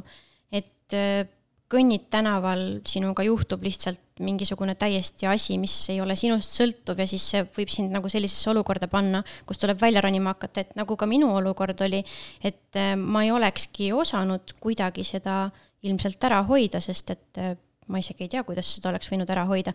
aga kui juhtub midagi sellist, siis samamoodi tuleb leida see mõte, et äh, miks sa siin elada tahad. et äh, jällegi läbi nende eesmärkide ilmselt, et äh, mind kuidagi aitaski see, et mul oli selline, hakkasin mõtlema, kuidas minu sellest läbikukkumisest võiks saada ressurss ja kuidas ma võiksin selle enda puhul nagu kasulikuks pöörata et tegelikult nii paljud sellised olukorrad, mis juhtuvad, ongi tavaliselt nii, et nad ei ole läbi ja lõhki halvad, vaid sealt võib otsida ka mingid asjad, kuidas need nagu ressursiks, miks ka mitte oma ametiks pöörata tegelikult. et äh, läbi selle on hea põhjast välja tulla. oled nõus, Maarjus? jaa. jaa vaatan, Maarjus, sinul on tegelikult äh, välja e-, ehitatud, üles ehitatud põnev küsimus sõprade kohta. ja see oli äh, ka küsimus, mis ma sulle, Kris, ütlesin, et vot seda ma tahan kindlasti mm -hmm. küsida, et kui midagi muud äkki ei jõua, et siis ma seda tahan kindlasti küsida, et äh, jällegi sa oled pühendanud ühe peatüki oma sõpradele, kes sind siis kõige raskemas situatsioonis või, või olukorras aitasid, et selle aitamisega on nii-öelda ju kahtepidi asi, et, et ju öeldakse ka, et, et ära aita või ära abista, kui ei küsita aga sinu seda peatükki lugedes ma sain aru, et päris nii see ei saa olla alati, et, et äh, sa kõige hullemas augus ilmselt ei osanudki abi küsida, kuigi sa tegelikult vajasid seda, et äh, et väga põnev oleks teada, kuidas sina näed seda, et millal, millal on see abistamine nii-öelda ilma küsimata põhjendatud ja millal see abistamine võib hakata kahe inimese vahel müüri ehitama, kus tegelikult inimene, keda sa abistada tahad, tegelikult ei taha seda abi ja lükkab sind hoopis eemal, eemale, kuidas sina näed seda?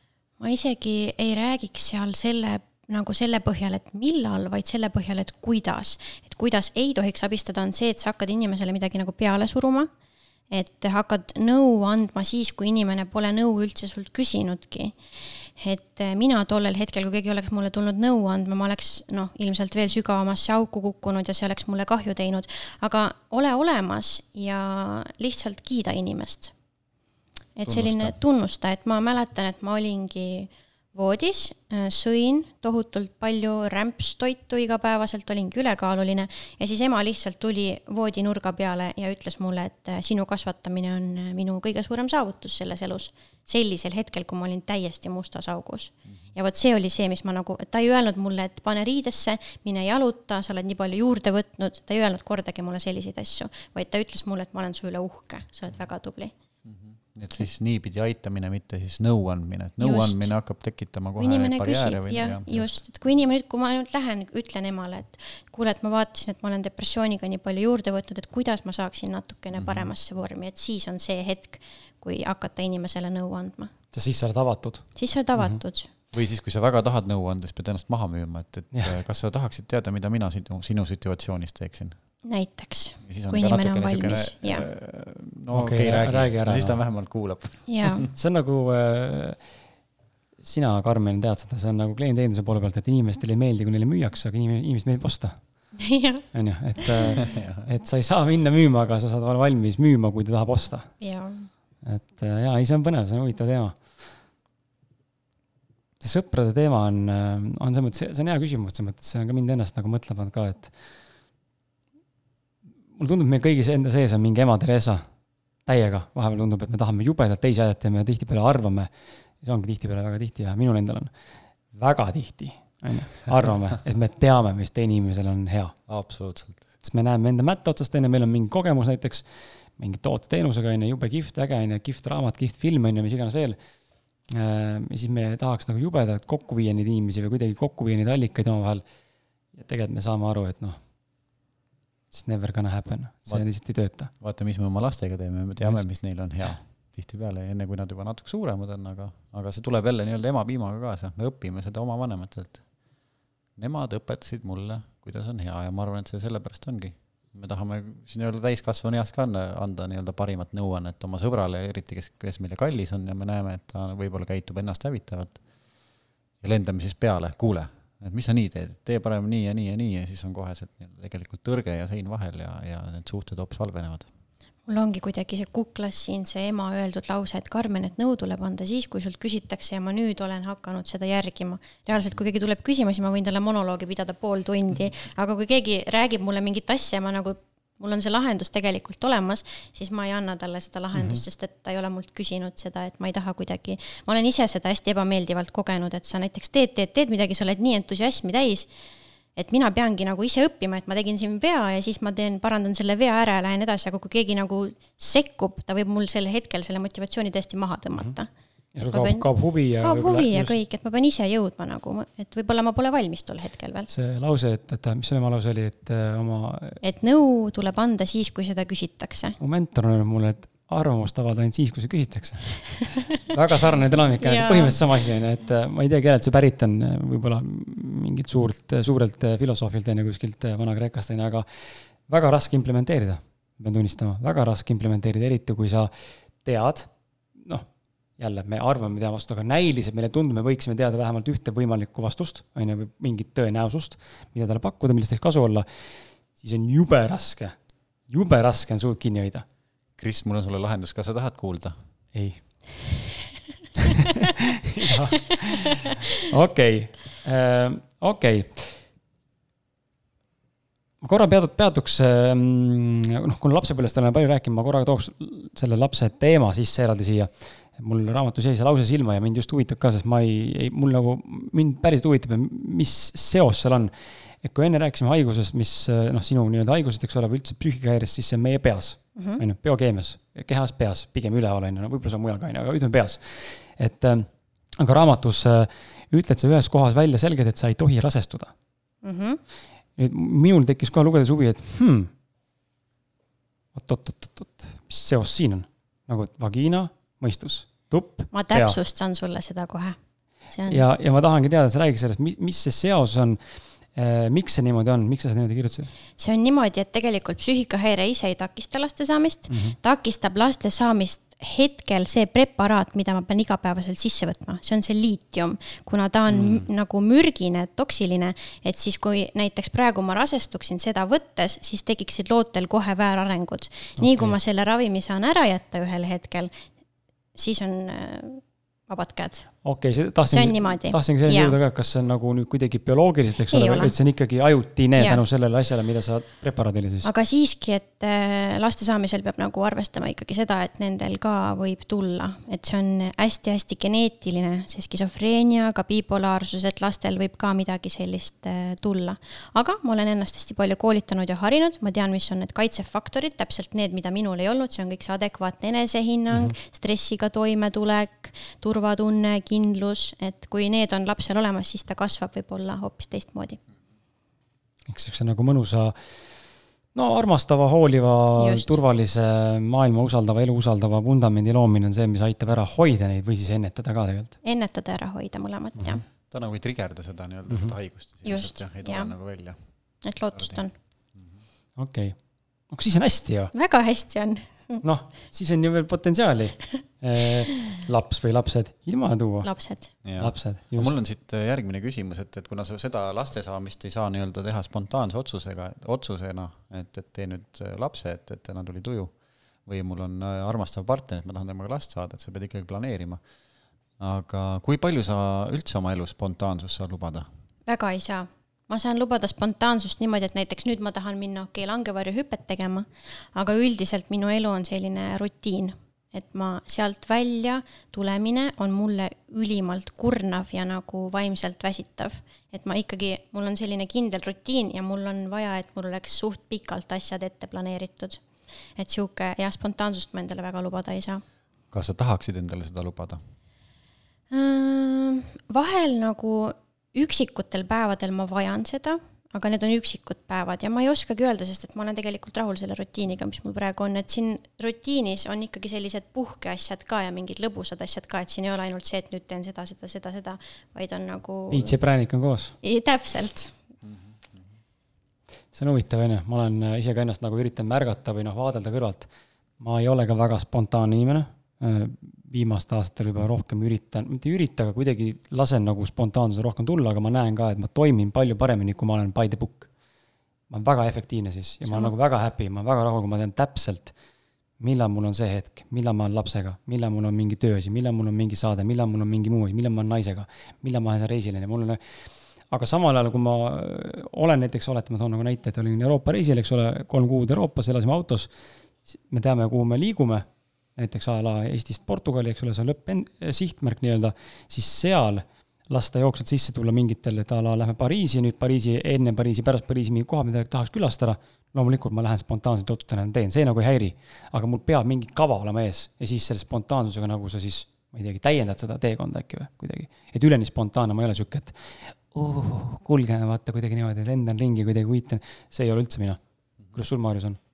Ei, ma ei ole ka selline, ma olen pigem seal sinu äh, paadis, et, et äh, kui mul on äh, mingid päevad, mingid, mingi rutiin, eks ju, siis ma tahan ka teada täpselt, et millal näiteks mul naisel on vaja vaba aega, siis ma tean sisse planeerida, näiteks iga nädal, ma ei tea, teisipäev, neljapäev, neljast kuueni on tema aeg, on ju, siis ma lähen hoian last, siis ma tean, noh, ülejäänud nagu päevaplaani sinna teha, siis ma tean, et mul on igasugust tegemist, aga aga samas mulle meeldib ka muidugi selline periood, kus ma võtangi pistiku seinast ja, ja, ja, ja teen, mida tahan, sest et äh, pikalt sellist äh, kuidas ma ütlen siis jällegi, see distsipliin või, või, või, või mingi kindel rutiin, et see hakkab mind tapma, minu loovust tapma, ma tunnen, et siis ma ei ela enam, et, et äh, aga, aga jah, et midagi tehtud saada, on ilmselgelt vaja ju, ju kindlat kava, noh. muidu minu, minu, minu meelest, et, et ma arvan, et ka see on mõnes mõttes selline, ka selline mehelik pool natuke, et, et äh, ma tahan sinna jõuda ja, ja siis hakkan minema, siis mul on mingi plaan, mis kukun vahepeal või, või käin ära, aga, aga see on mul nüüd minu mm -hmm. nagu sihtmärk, et, et ma arvan, et see on selline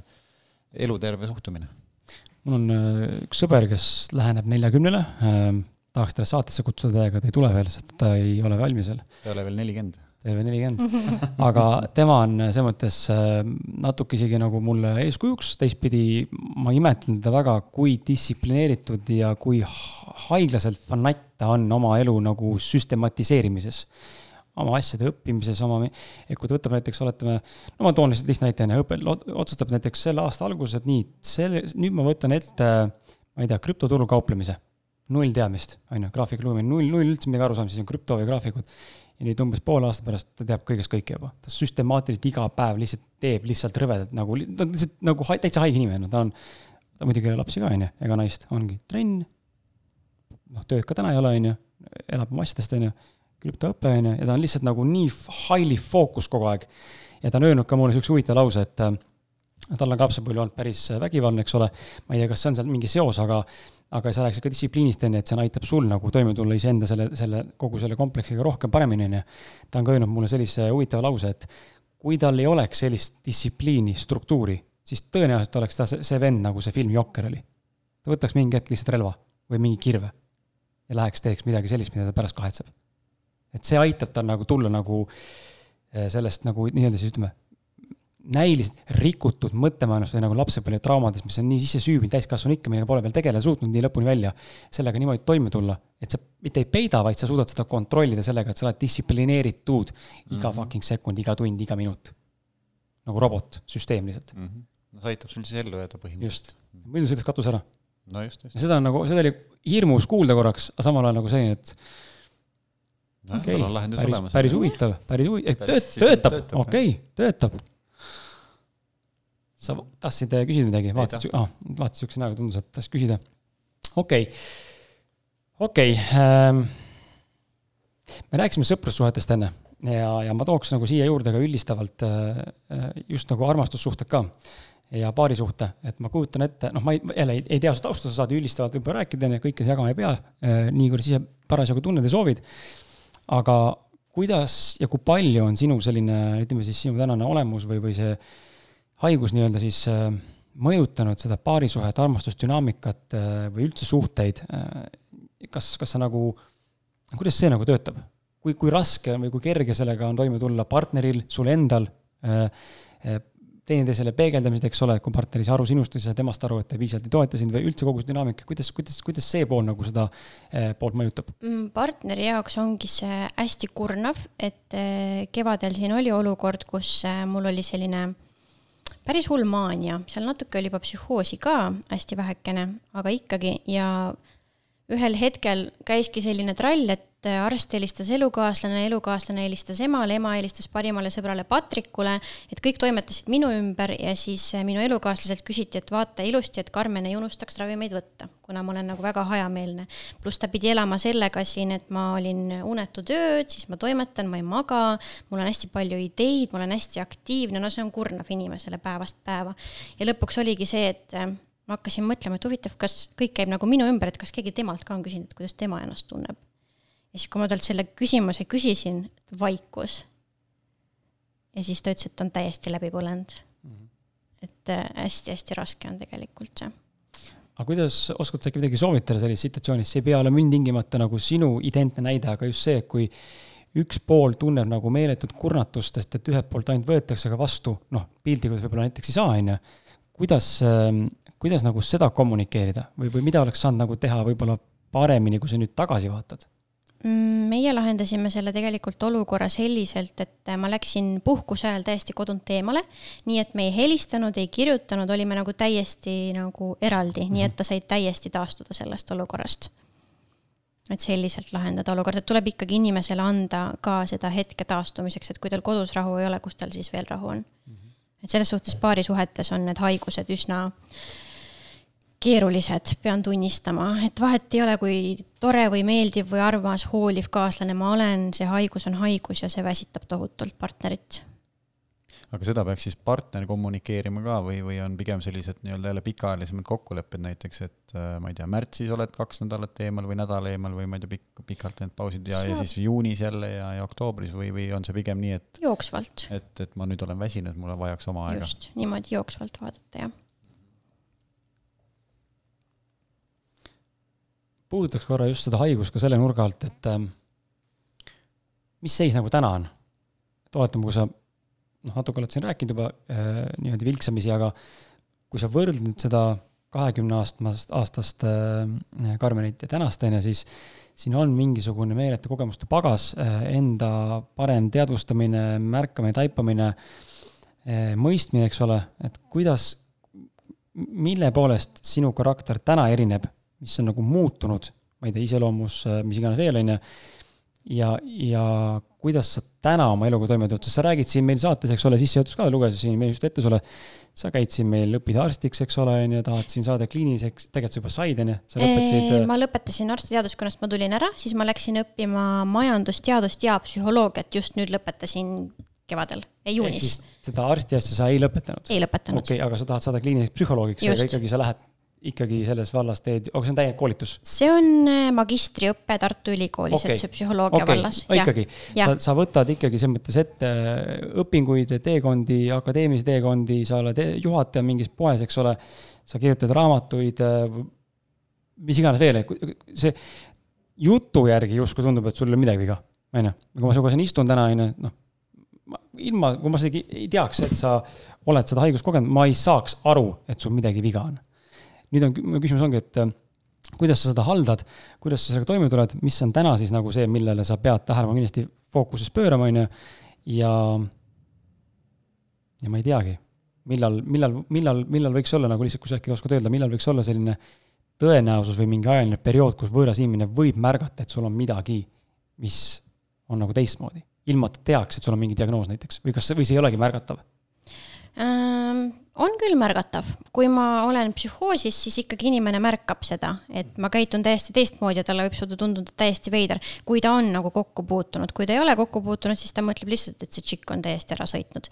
aga, või noh, jah, kui nii võib öelda. Noko aga oot-oot, korda korra palun veel küsimust, et ja, seal oli veel no, küsimusi. just esi-, no teine pool, et esimene pool ongi see, et siis kuidas, millal ta, mis on need signaalid nii-öelda, kus ta siis aru saab, et midagi võiks olla, on ju esimene pool sellest on siis see, kuidas sa täna sellega reaalselt toime tuled mm, -hmm. tehes neid kõiki asju, mis sa kogu aeg teed igapäevaselt. Äh, ma olen kuidagi õppinud tegelikult kasutama seda haigust kui oma ressurssi. et äh, mul on see bipolaarsus, on ju, et seal on vahepeal, on enne, kui see maania hakkab, seal on selline nagu hüpomaania periood. ma üritan olla temast natuke seal eespool, see on siis sellisest tavapärasest olekust natukene nagu aktiivsem. ja ma olen õppinud elama niimoodi, et see nagu ei läheks käest ära, vaid kogu aeg natukene nagu oleks mul seda ressurssi rohkem et ma olen niimoodi, ma ei tea, kui väga see meeldib psühhiaatritele või kliinilistele psühholoogidele, aga kuna minu puhul see toimib, siis ma nii teen mm. -hmm. propageerida ma seda tegelikult väga ei taha.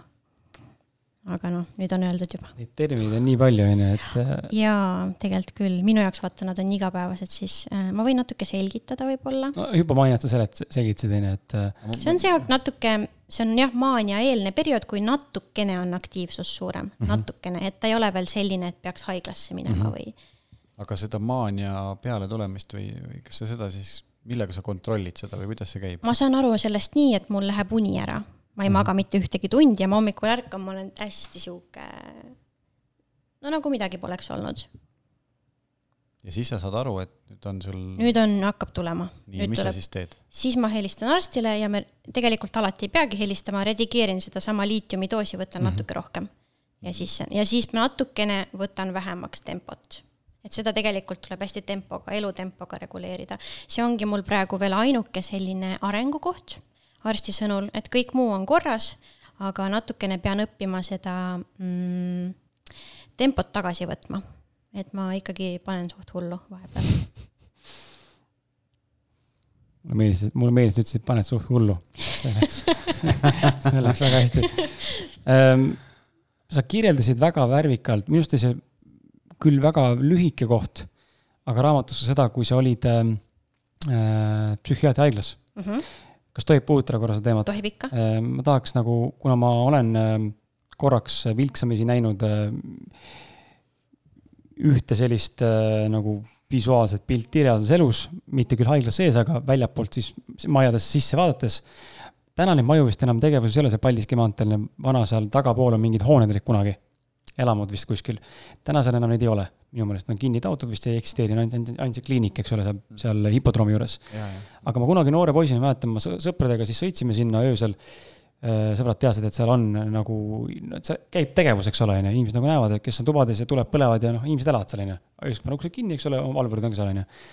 ja siis ma nagu esimest korda nägin, kuidas üks äh, tundus naisterahvas, äh, ta oli suht nagu kiilakas, eks ole, kammis oma juukseid peegli ees. siis mul tekkis nagu sihuke, et vau wow nagu uh, mul tekkis päriselt nagu šokk korraks nagu, et okei okay, noh, sa oled ikka õudukaid asju näinud, vaata, sa tead, et tegelikult on olemas nagu noh, on olemas inimesed, kellel on häired, eks ole, mingisugused.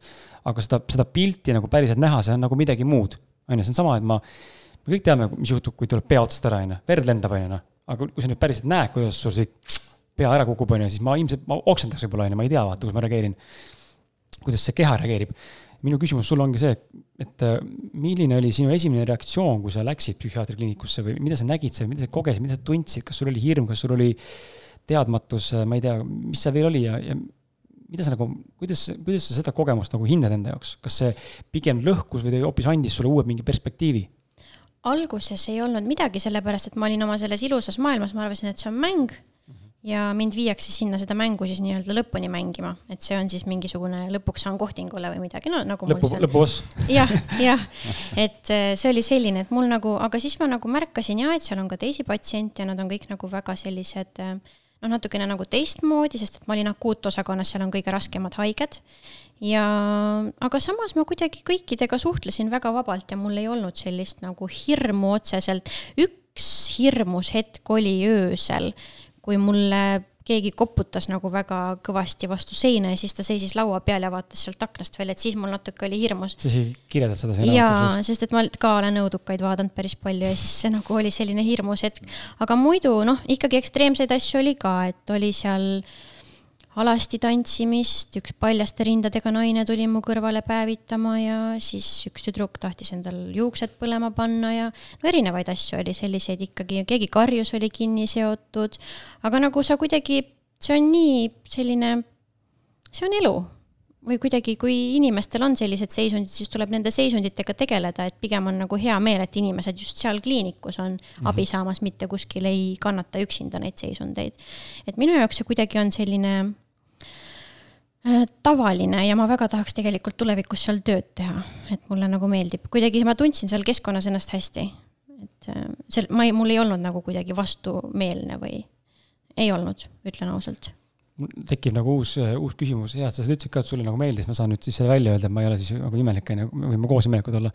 et ma olen nagu eh,, eh, noh, öeldakse, et eh, ole nagu, ole tähelepanelik, mida sa ütled enne, siis võib täide minna, on ju. et okei okay,, kui ma selle nagu või tühistame ära nii-öelda piltlikult öeldes, on ju.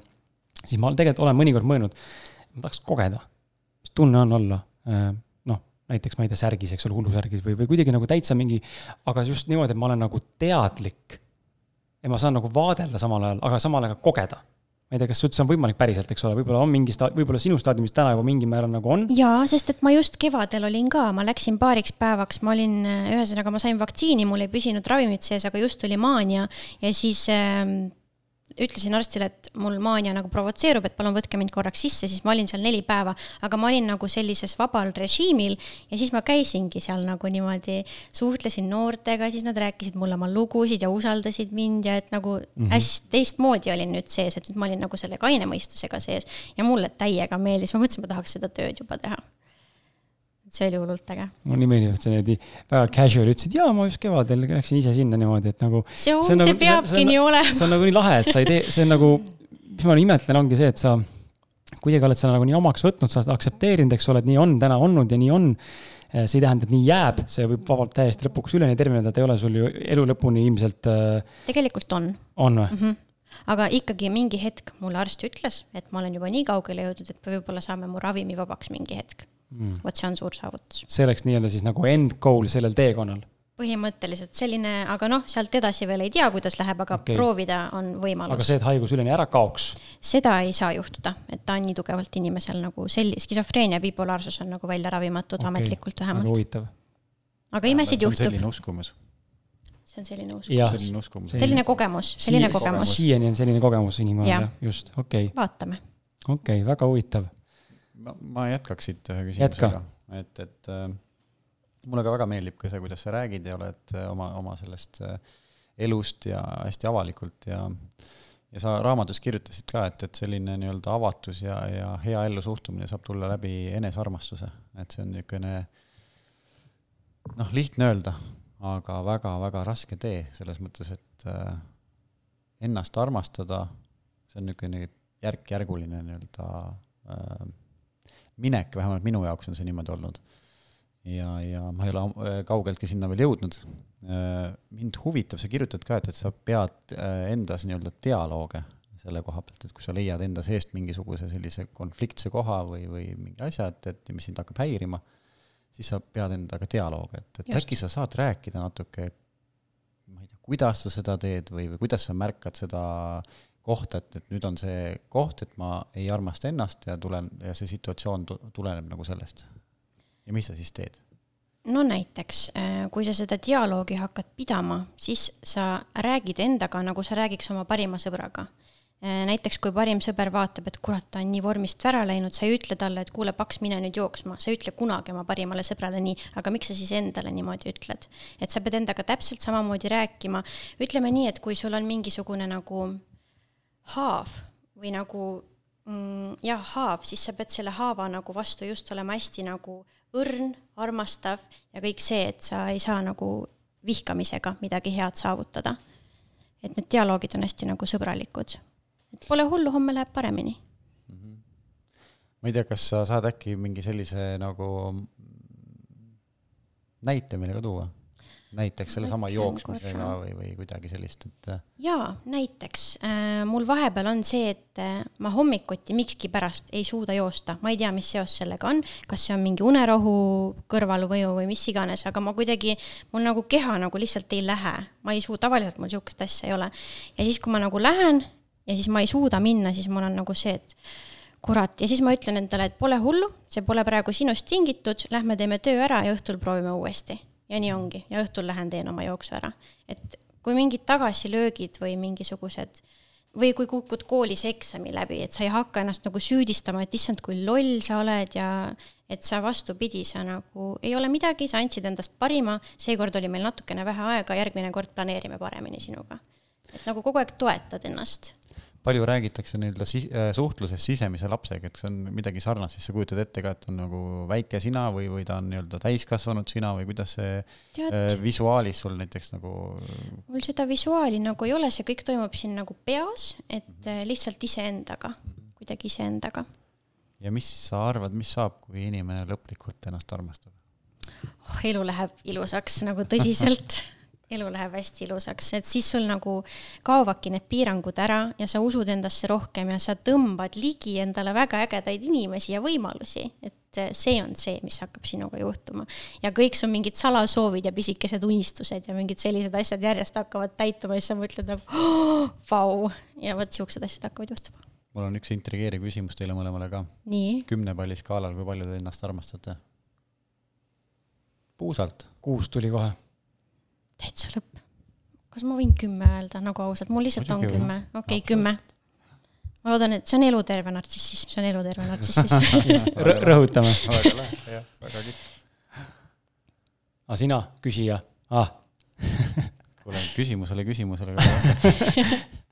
aga ma, ma ütleks ka sihuke seitse. see on väga hästi. ruumi on veel kõvasti tegelikult. jah no seitsme kohta vist öeldakse ka, et, et noh, või oli see kuue kohta, et noh, kas ta siis on nüüd viis või seitse yeah.. et mis sa sinna keskele ütled, vaata mm. -hmm. et otsusta ära, kas sa pigem siis armastad või pigem mitte ähm,. räägime korra raamatust selle koha pealt just, et äh, kust äh, seda osta saaks ja, ja miks inimene võiks lugeda seda? raamat on müügis Apollos ja Rahvaraamatus ka e-poodides. ja miks seda raamatut lugeda? Äh, kui inimesel on kokkupuude endal isiklikult psüühikahäirega või on lähedasel kokkupuude psüühikahäirega, siis see võiks anda hästi palju sellist inspiratsiooni ja elutervet suhtumist nendesse haigustesse. et mitte näha neid nii väga kui katastroofi, vaid tõesti kui äh, võimalust isiklikuks arenguks. ja ma arvan, et äh, teistele inimestele, kellel kokkupuude absoluutselt puudub, võiks see natukene aidata mõista selliseid inimesi ja miks mitte ka lihtsalt silmaringi avardada ja ma olen absoluutselt nõus, et silmaringi avardamiseks on see küll väga hea, et mm, -hmm. et ja, ja mõnes mõttes kuna ma ise olen niisugune ulmefänn, siis kuna sellega kokkupuudet pole kunagi olnud, siis see raamat avab ka natuke sellist nii-öelda fantaasiamaailma nagu minu jaoks, et, et ongi need suured jänesed seal ja ja, ja ei saa nagu täpselt aru sellest raamatust ka, mis on minu meelest ülikihvt, et millal see äh, maania kirjeldus nii-öelda peale hakkab siis või, või see mm -hmm. nii-öelda mm -hmm. allutsinatsioonide mul läks tükk aega aega, et aru saada, kui sa kirjeldad sa neid jäneseid asju ja siis, et sa, et sa mingit äh, noormeest tänaval näed ja yeah. mul läks tükk aega, et see pole päris, ma nagu lugesin yeah., mõtlesin nagu, et holy shit, et mis toimub nagu, et mingi jube põnev mäng, vaata. ja siis saan mingit aru, et oot-oot-oot-oot, ta kujutab endale kõike ilmselt ette hoopis või et nagu what või siis see vikerkaare koht, kus sa kirjeldasid, et sa nii-öelda siis armusid sellesse noormehesse et see oh, vikerkaard igal pool, kas see on siis päriselt ta tunneb või, või mm -hmm. siis see ongi nagu juba see äh, algus või, või ei saanud nagu aru ja see oli minu arust väga põnev ja noh, minu jaoks oli see raamat täpselt nii, et ma hingasid sisse? no põhimõtteliselt hingasin sisse, et, et ma hakkasin seda lugema, siis vahepeal tuli nii-öelda öö peale, ma lihtsalt äh,, silm hakkas kinni vajuma ja hommikul, kui ma ärkasin, lugesin ta lõpuni, et äh, lihtsalt kirjutatud äh,, arusaadav ja põnev lugemine ma küsiks lõppu enda viimase küsimuse, ma ei tea, võib-olla Maarjus, sul on veel, aga minu viimane küsimus sulle on natuke selline heas mõttes provotseeriv, aga jälle introspektiiv inimesele nagu sellist tõlgendusvõimalust anda, et äh, kui sa saaksid valida, kas sa soovi, kas sa sooviksid või oled kunagi mõelnud, et seda ei oleks sinuga juhtunud? et sa oleksid terve inimene, nii-öelda terve inimene, et seda haigust üldse ei oleks? või sa pigem näed nagu täna täielikult seda noh, nii-öelda sitta piltlikult öeldes selle sillana nagu öeldakse, pole head ilma halvata tead, täitsa sajaprotsendilise kindlusega ütlen, et äh, see kümme, kümme, miks ma sain vastata mm, -hmm. et kümme kümnest ma ennast armastan, et see on kõik tänu sellele, mis minuga juhtunud mm -hmm. on. et enne seda ma olin hoopis keegi teine, ma tunnen, ma olin nagu seesama, ma olin ka selline, isikuomadused olid samad, aga see just see isiklik areng, mis on toimunud selleks, kelleks ma täna saan, see on toimunud tänu sellele, mis minuga juhtunud on ja ma just saan tuua nagu üks sõbranna mulle ütles, et Karmen, sul on nii palju maailmale anda, et sa elad sellise haigusega, sa näitad lihtsalt, kuidas sa elad mm. -hmm. et see on, see on see. muuseas, hea kuulaja, unustasin saate alguses öelda, see raamat, mis loosi läheb, see on ka autogrammiga. nii et äh, tasub, tasub minna Facebooki, kui sa veel teinud ei ole seda. Jesperile, kui Jesper kuulab, ma tean, et ta kuulab alati neid saateid. Jesperile siinkohal soovitus, et kui Jesper, sa ütlesid, sul meeldib äh, fantaasia, Maarjas on ju, ulme, mulle ka. Jesper võiks äh, leida reaalselt siis kellegi, kes on kas ufodega kontakti sattunud või kummitustega kokku puutunud või on ise reaalselt maaväline olend inimese kehas. ja teadvustab endale seda. tee raamat, räägime. Äh, aga jaa, Maarjas, kas sul on veel küsimusi jälle? no mul siin niisugune, jälle niisugune filosofeeriv küsimus võib-olla siin on õhus, et viskan õhku, et, et no. kui sina nägid äh, jäneseid ja, ja mida tegelikult nagu teised siis ei näinud, mis sa arvad, kui see, mida me meie ümber näeme, et, et kui palju see nagu tegelikult üleüldse eksisteerib? ja kas see eksisteerib, võib-olla see on ka meie ajukeemia nii-öelda illusioon kuidas sa sellesse asja suhtud? ma arvan, et kõik objektid, mida ma saan katsuda, vaadata, äh, tunda, kompida, ma arvan, et need ikkagi eksisteerivad. äkki see ongi illusioon, et sa neid katsud mm.? sest see on normaalsus, see on meie uskumus. me usume, et laud on tahke. aga kui ma usuks, kas, kui ma usuksin, et lauas saab käe läbi panna ja tõsimeeli usuksin seda üleni oma kehaga, kas ma saaksin? no proovi. no ei suuda. sa ei usu. ma ei usu piisavalt, just, ma ei usu, ma ei suuda petta ennast kvantfüüsika väidab seda, et äh, sada kaheksakümmend kraadi ulatuses, mis sa praegu näed, on ju, see spekter, kõik see, mis siia selle kaheksa, saja kaheksakümne kraadi sisse ei mahu, seda ei eksisteeri enne, kui sa ei vaata seda. kui puudub vaatleja, siis seda ei eksisteeri. jah, teadvus. jah, ehk siis nii kui ma vaatan, tekib see köök sinna, piltlikult öeldes, on ju. Äh, nii kaua ma sinna ei vaata, teda ei ole, ma tean, et ta on seal, on ju, noh.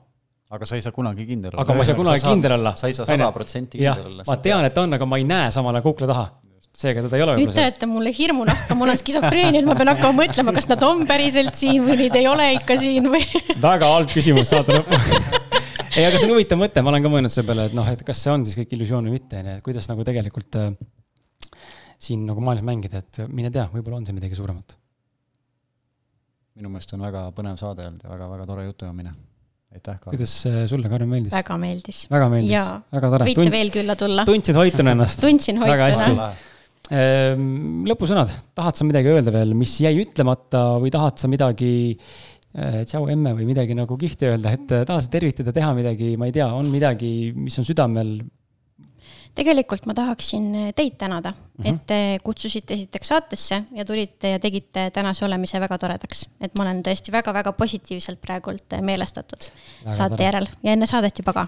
väga super, sellepärast ma teengi seda ja sellepärast Maarjus ka teeb seda nüüd täna ja aitäh ka sulle, äh, hea kuulaja, et sa olid meiega siin, poolteist tundi täis tiksunud.